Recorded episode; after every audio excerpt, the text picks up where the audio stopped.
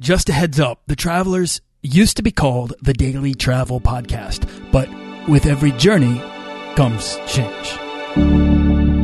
This podcast is produced by Holocene, a community of creative travelers. If you want to get serious about planning that next trip, writing that book, starting that creative project, or launching that business, we're breaking down the barriers between where you are where you want to be together at joinholocene.com. That's join, H O L O C E N E.com.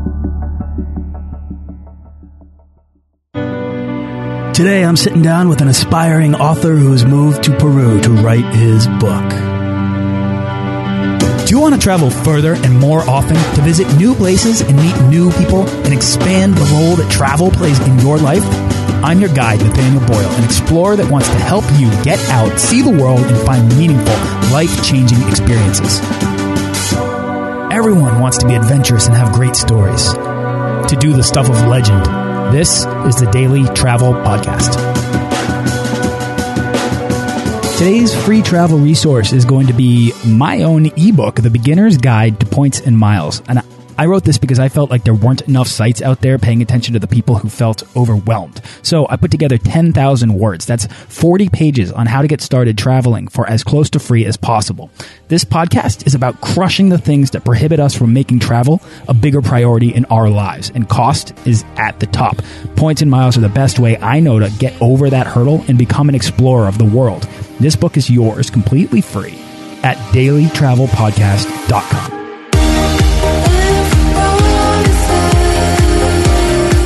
Today's guest is the founder of the website The Utopian Life, which describes itself as practical wisdom for personal evolution. Uh, Ty Nugent is living in Cusco, Peru, where he is working on his first book all about mastering internal dialogues and the stories that shape our lives. He was born in Vietnam and grew up a refugee in Australia after the war and then studied theology in Texas and has since gone on to develop a love of entrepreneurship and exploration, personal development, and getting to know the ideas in the world uh, and finding opportunities in his life to explore all of that. Ty loves to focus on the things that hold us back and whether it's taking that trip, making travel a bigger priority, or somehow figuring out that travel lifestyle. I'm excited to dive into Ty's perspective on these topics and how it is he found himself in Peru writing a book. So, Ty, welcome to the show. Hey, thank you so much for having me on, Nathaniel. This is going to be a lot of fun. Oh, for sure. So, where are you right now? I am in the mountains of Cusco in Peru. So it's uh, if you've heard of most people have heard of Machu Picchu, so I'm only a couple of hours from from there. So now the Inca Trail runs from Machu Picchu to Cusco, right? Yeah, yeah. I think it's a little bit north of Cusco is where it starts. Okay. Um, but uh, yeah, it's it's right next to the Inca Trail. Have you made it over to Machu Picchu yet? I have. That was one of the, the first things I wanted to do. It was sitting on top of my bucket list for about the 30, 30 years of my life. And so I, I just, I realized part of my whole journey was, was really about smashing that bucket list and starting with that. I love that. So how long have you been in Peru for? I've been here for, I think, close to five months now. Okay. All right. So that's not yeah. that long. That's as long as this podcast has been running. Yeah, yeah. Excellent. So was the intention to go down there and then start writing or what exactly called you to Peru? And this is before we even really get into the interview. I'm just curious. Yeah, absolutely. It was kind of a, uh, I guess I, I, call it a bit of an early midlife crisis where I, I found myself during this one year where I just, I kept being confronted with uh, with the question of death and and just thinking through just the brevity of life and found myself in a, a, career doing a job that I mean it was great. I was getting paid great. I was getting looked after great. It was uh, I guess an honourable position, a good position, but it wasn't it wasn't the an authentic kind of path that I was treading. It was more out of expectation than authenticity. And what were you doing? I was I was a chef at a um, at a private institute at a seminary, and I was also doing a lot of teaching and preaching at, at different churches. So I mean, it was it was looked upon as a, a, great thing, but but it just wasn't something that I ever felt was was just an expression of who I was. So I mean, it was tough because a lot of people sort of saw me as this uh, up and coming preacher and, and pastor, but you know, it just it just wasn't me. And then I had to make that tough decision of uh, letting letting a lot of people down. But I think at the end of the day, it's it's a lot worse to to let yourself down than it is to, to let other people down. Oh, okay, that's interesting. So now, all right, we're gonna have to step back and get into exactly who you are, and then we'll bring ourselves to this point where you had to make that decision for yourself rather than for other people. But your path has has led you to be surrounded by big ideas at all times. I mean, studying theology in school, that's nothing but big ideas and exploring the, the, the, great questions of life, I suppose. And then working in a seminary as a chef, which is not in the world of ideas, but still surrounded by them. Did you find yeah. yourself reaching a point of, of, like a culmination point in which you really needed to answer the questions for yourself? Yeah, yeah, absolutely. And that's exactly what that, that breaking point was. And, and really looking back at my life, it's been somewhat of a cacophony of different things, but I love that, that word of a culmination and it all coming together. You know, growing up in Australia, I'd, I'd traveled over to Canada and, and, actually played a season of rugby there for Nova Scotia and, and, played in the national competition. And after that was when I went into uh, the, the cooking industry and, and, became a chef. And then after that, I moved over to Thailand and lived there for a couple of years as a, a professional kickboxer.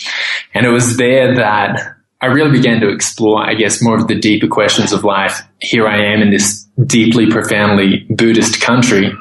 And I probably would have described myself prior as being definitely gone through a strong atheist kind of period in life, but then opening myself up to spiritual concepts and then being thrown into this context in Thailand definitely really you, you, can't escape spirituality when you're you're in Thailand, and that was where I met. Um, I met some missionaries, and they offered me a, a, scholarship in Texas to go to school there and to study theology there. And that's uh, that's where I found myself studying theology. And then, because of my cooking background, I I worked at the um, I wanted their private establishments where a lot of the potential funders and, and donors would come and we'd kind of wine and dine them and they'd give to the school. And so it was, I mean, again, everything was, was great. It just, it wasn't authentic, you know? Yeah. Okay. So it sounds like you've been really in pursuit of answers for a very long time, which I think is oh, interesting, absolutely. right? Because one thing that I've learned about travel is that you might be curious about the world and you have all these questions, but travel only ever answers questions with more questions. Mm-hmm. Almost never have I found an answer to something. I have only found 10 questions for every for every discovery. That, that's so funny you bring that up, Nathaniel, because I feel like I went through a massive kind of aha moment and, and epiphany maybe in the last couple of years where everything that I'd done, like you said, was was searching for for answers. But I came to this point where I just I realized and, I don't want to sound overly philosophical or, or, or out there, but I really do believe the pursuit is the answer. I mean, asking the question is the answer almost in a sense. And it, it basically comes down to that concept of it being as much about the journey as it is the destination. But it can be so hard to feel satisfied with that solution, with not having anything concrete, any, any, any, uh, uh, real result to your exploration when there's nothing but more exploration to, to be had. And that's really hard. I think, like, for example, I would love to see the world, right? But I'll never see the whole world. No one will ever see the whole world. There's more to do and see.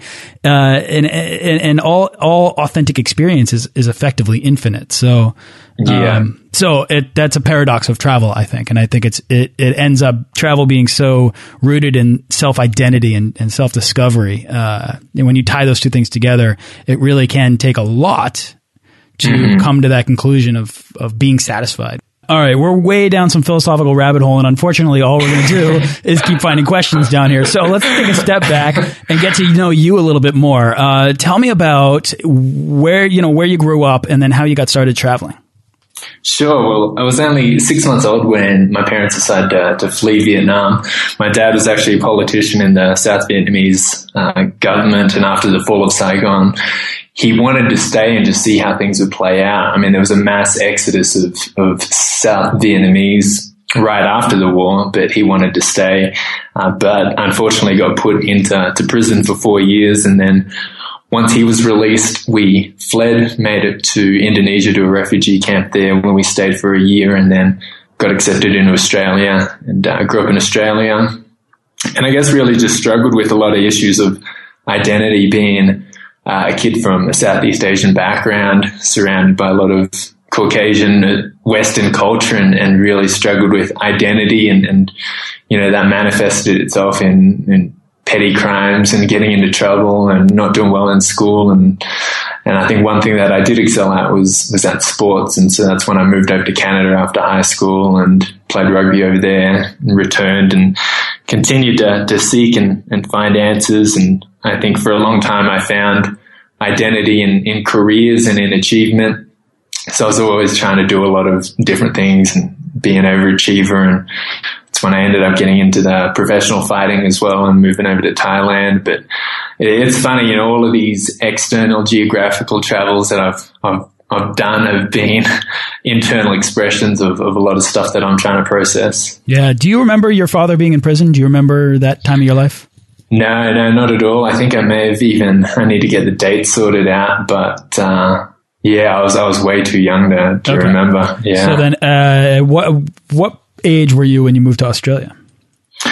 I was I was six months old when we left Vietnam, and we stayed in Indonesia for a year. So it was only a year and a half when we got to Australia. Okay, all right. So then, yeah, yeah. so your almost your entire identity has been rooted in growing up in a place in which uh, it's home, but you seem different than everyone else. Whereas home was this place you couldn't go back to uh, the, yeah. but, or I should say, this place where you do sort of maybe have a sense of belonging, which is not home, which is Vietnam, uh, is mm -hmm. a place that you could not go back to. Yeah, it was it was really strange, you know, sort of being in a family. There was six of us, and you're surrounded by Asian faces, and then you turn on the television and you see anything but Asian faces. And then later on, when I got older and, and going back to Vietnam, it, it came with a lot of anticipation and and excitement, thinking as though I'm going to reconnect with my people, but then feeling disconnected when I got back home as well and realizing, wow, you know, my, my mindset is very Western, even though my appearance is, is very Asian. So that was definitely an interesting experience. But I, th- I think for a lot of people, you know, finding identity manifests in, in different ways. But for myself, that's how it kind of played out. So what prompted your departure, your first initial departure from Australia? That was Man, I think it was just a lot of frustration with with society. I guess I, I, I just growing up. I think I had a rough childhood with my family because we came over so poor and they were so focused on making a living, which I don't blame them at all. But we were, you know, we were kind of neglected. I didn't get to spend much time with my, my parents and, and only recently has, has my relationship with my father begun to start healing and, and developing.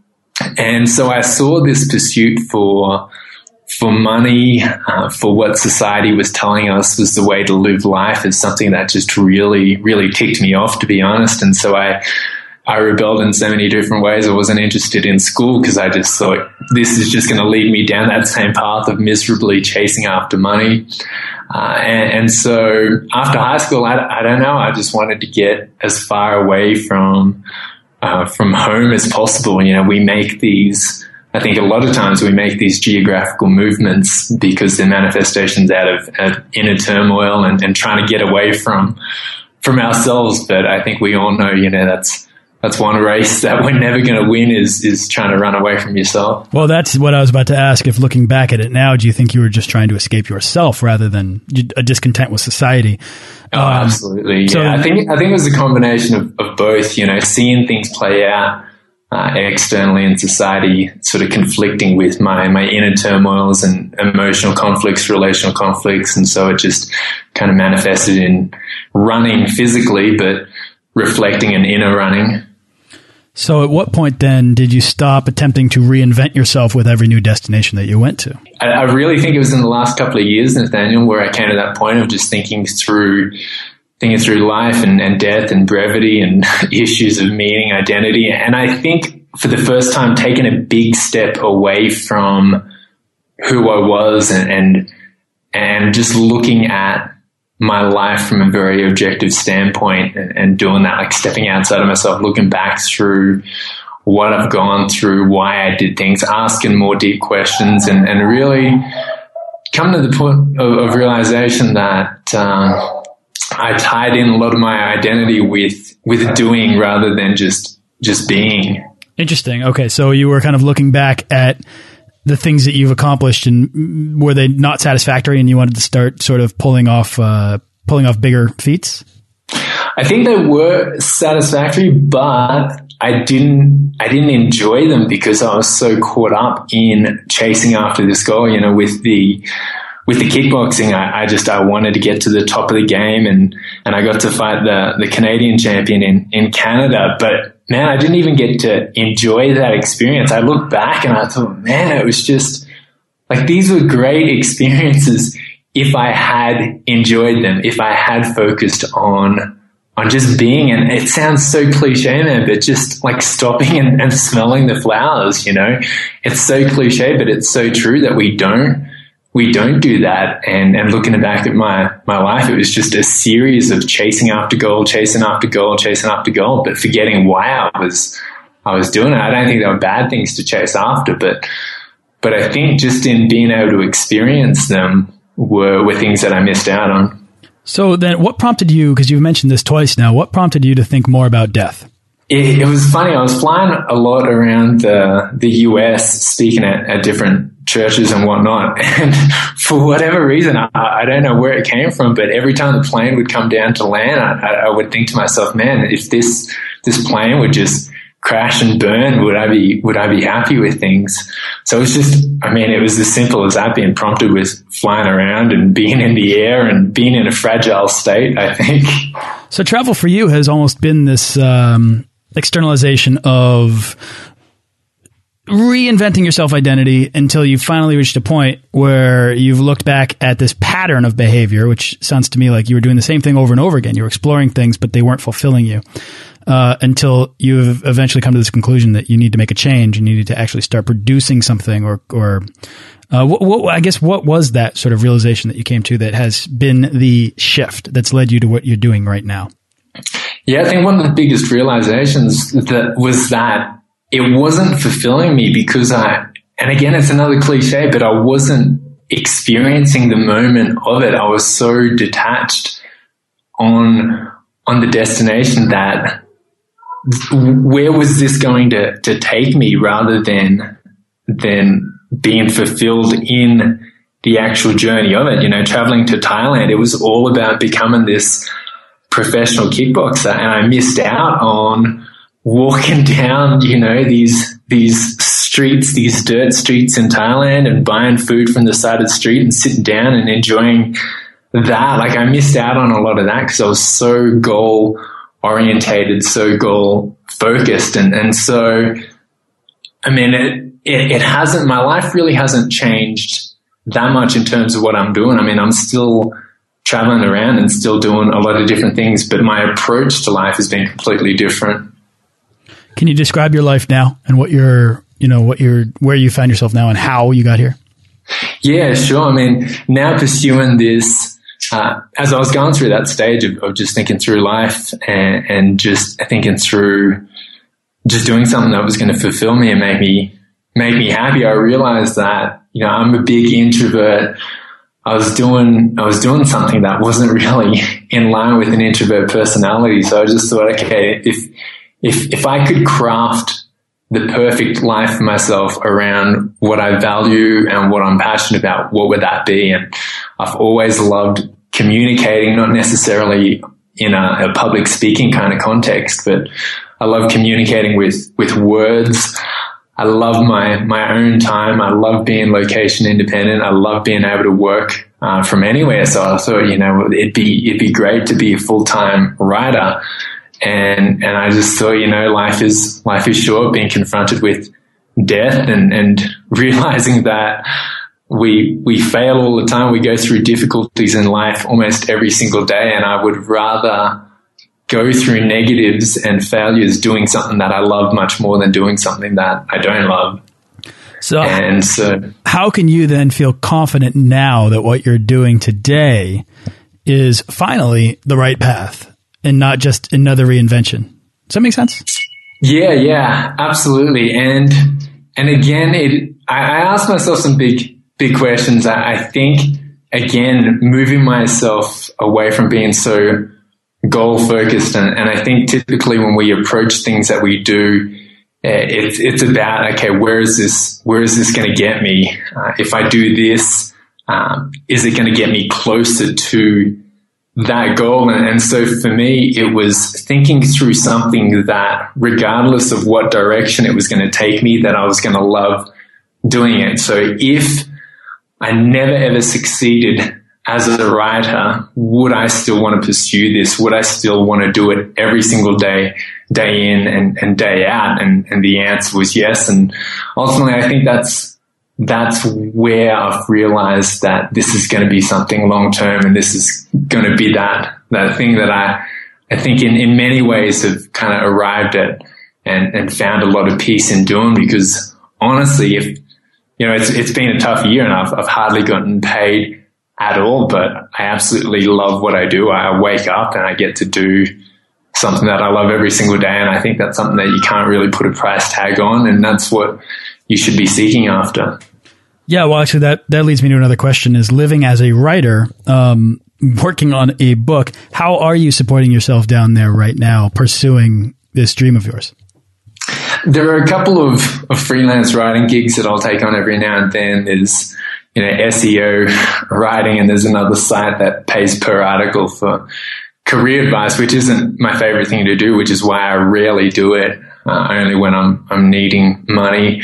I've done a bit of coaching with my, my website as well. Um, and so that's brought in a little bit of income. But at this stage, being this early on in the game, you know, I, I recognize and, and I realized coming into it that the, the first year or two was going to be tough. And, and uh, I mean, it, in the past, I've, I've done apprenticeships before. I've worked for free before. So it hasn't been something that's completely foreign to, to things I've done before. But with, with that experience, I mean, I've recognized that it was going to be a part of the game and part of the rules and, and things that you've got to accept when you, you change directions. Well, what I like is that your experience has really shown you that you have to make the decision to move forward with the things that you want to do with your life. And if travel is a big part of that, you need to go out and travel or you need to figure out your travel lifestyle, how to make that a bigger priority. And those are the things that we explore a lot on this show. And there's so many different ways to go about doing that. Um, mm -hmm. But tell me about where travel now fits in in your life and the decisions that you make about your career relative to travel. Sure. I think overall, just in my grand, I guess, my grand meta narrative, my grand philosophy on, on life. And, and I think for everyone, it's just about being an active participant in life. And I think naturally for a lot of people, it, it manifests itself in traveling. We've talked a lot about how, how, travel is kind of this manifestation of a lot of our, our internal struggles. And I think when you take an active approach to life, I, I really think that, that travel just fits in with that. It's, it's about having uh, a curiosity for life. It's about having an appreciation for beauty. And I think when you have those things, it's almost impossible not, not to do any travel. So, I mean, it's interesting as I, as I say all this, but it really does tie in with, with a lot of philosophy in life that as strange of a connection as that may be, I think philosophy and travel really goes hand in hand. If you have a philosophy that believes that you should be really an active participant in life.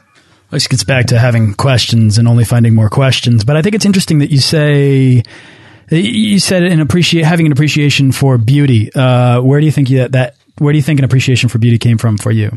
Oh, Man, I, I, I know that's a tough question. I'll let you think yeah. about it. I mean, for me, I grew up, my mother was a painter. I grew up with a uh, sort of in a world of aesthetics. So I've always kind of had this thing for, uh, for beauty. And I think that I, I, I, search for it and I look for it. Even in the conversation that we're having right now, I'm trying to find, uh, that sort of, uh, that sort of harmony, that like human harmony thread that we're talking about here. But you just said it just then with the human harmony thread. I really think it's something inherent and innate in, in all of us, you know, I'm trying to process that. And, and I really, I almost think regardless of what, what culture, what kind of background, your mindset, religious beliefs, if you, if you place any kind of person in front of, I mean, I'm looking out at these stunning mountains right in front of me. My, my apartment has just got this stunning view. And I almost think you place anyone in my seat, it's just, it's almost impossible to not to not say wow and just be absolutely drawn to the beauty that, that we're surrounded with.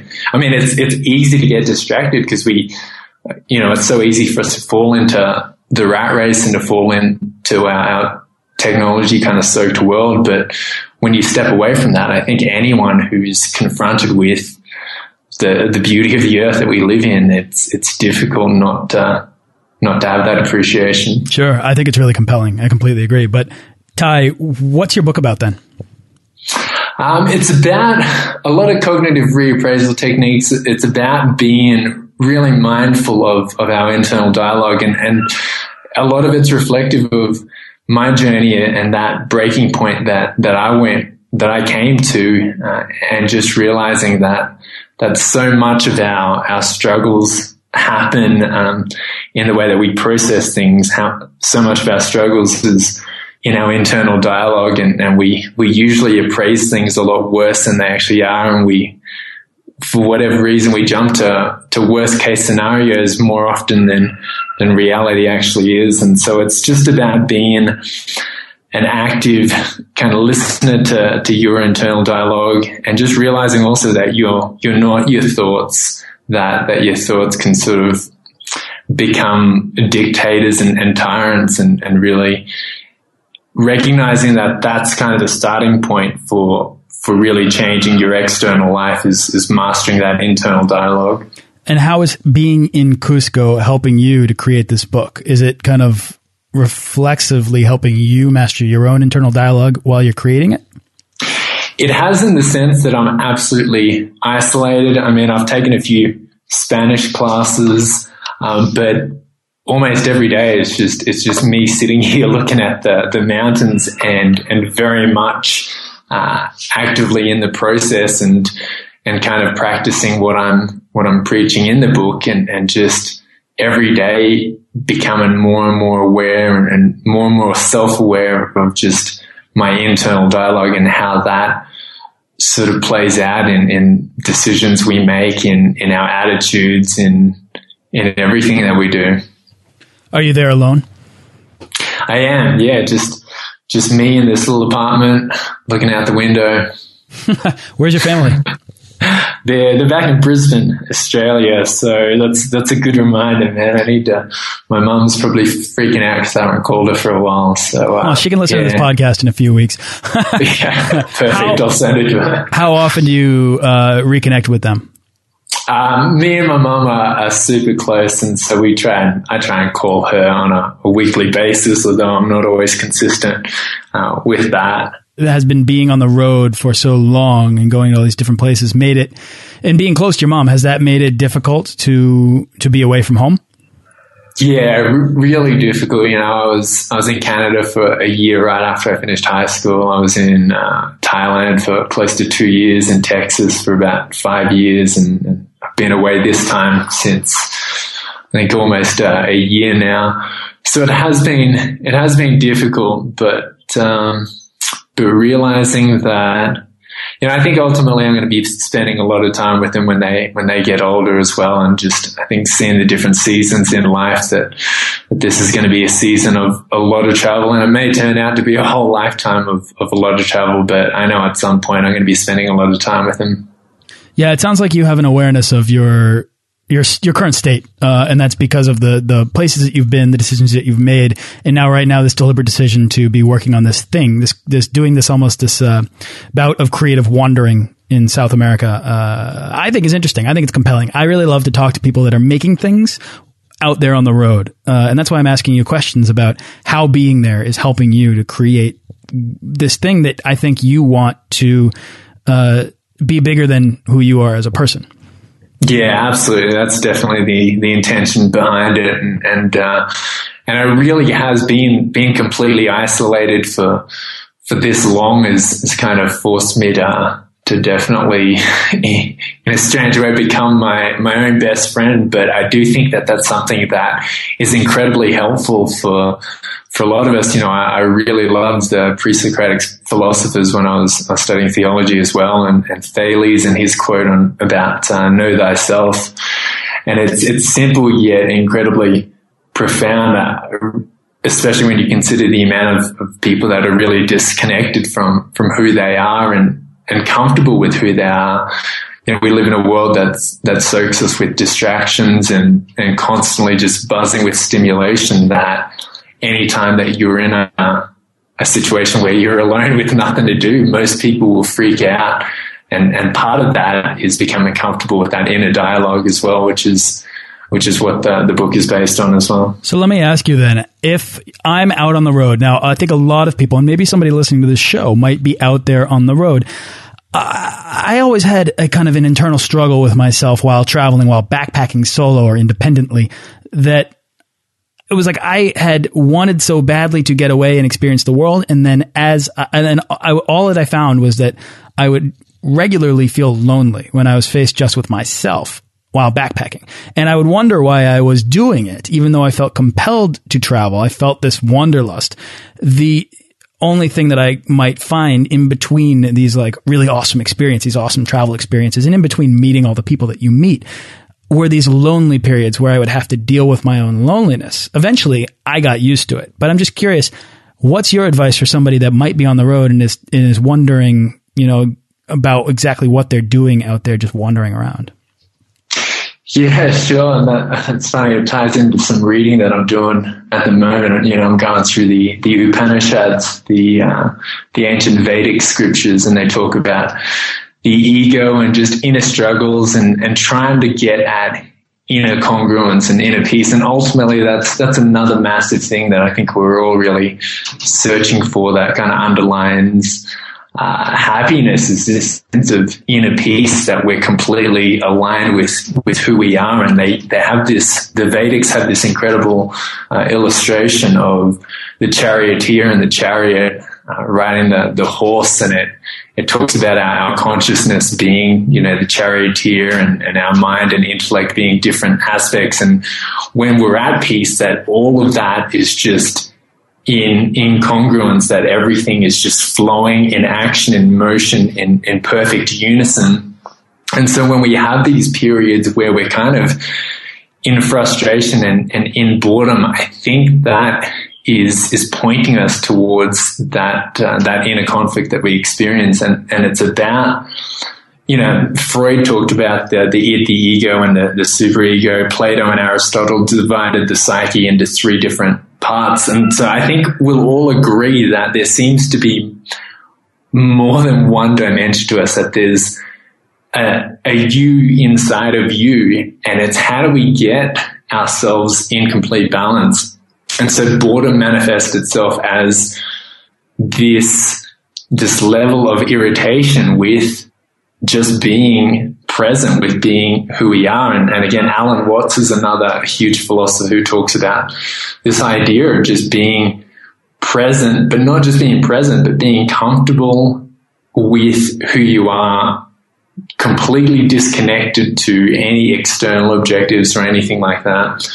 So back to, I guess, your original sort of thoughts on, on just finding peace, moving away from a sense of, of boredom it really comes down to more and more self awareness and, and, and just tracking your internal dialogue and, and seeing which direction it's pulling you towards and bringing yourself back to a point of, of just, you know, it's, it's really ethereal and kind of out there, but, but just bringing yourself to a place of complete pure awareness and consciousness. I don't want to get too far out there. no, that's okay. I'm gonna I'm gonna um, try to break down what you just said and actually simplify it into something that maybe might be a bit more tangible. But tracking your inner dialogue, the best way to do that would be to journal, maybe, or or or draw or sketch Absolutely. or find some, some way to uh, create something and channel these like creative energies into the things that you're doing. I think that's cool. Um, and that's what probably what you're doing with your book is you're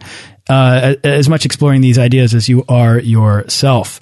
Um, and you're also living this kind of fun to think about monk-like existence in the mountains of Peru, which is very fascinating. But, but Ty, we have to uh, wrap up because we're completely running out of time. I'm just wondering, is, is there anything else that you'd like to share before we wrap this thing up?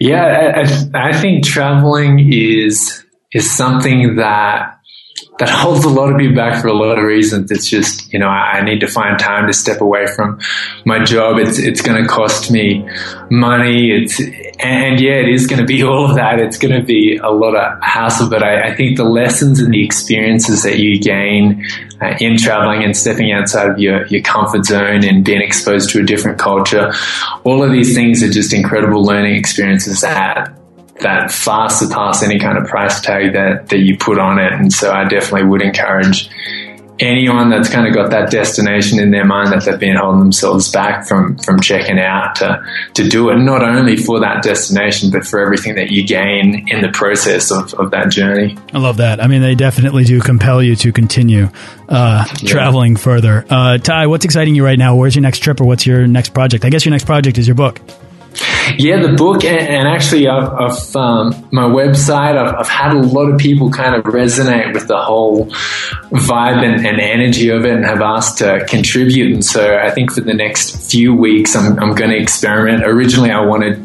wanted to just be, I guess, a sole writer on it, but I've, I've connected with some great writers and I'm excited about this different di- direction. And so uh, definitely check out the, the utopianlife.com. I'm going to have some great writers on there and, uh, and it'd be cool just to just to think it could turn into this big uh, publication or, or, platform just about living the utopian life. Fun, man. Uh, I wish you a lot of luck with that, and I wish you luck with your book down there. I think it's a really wonderful place to capture your creativity. Uh, anytime you spend time in the mountains, it's a great backdrop for that.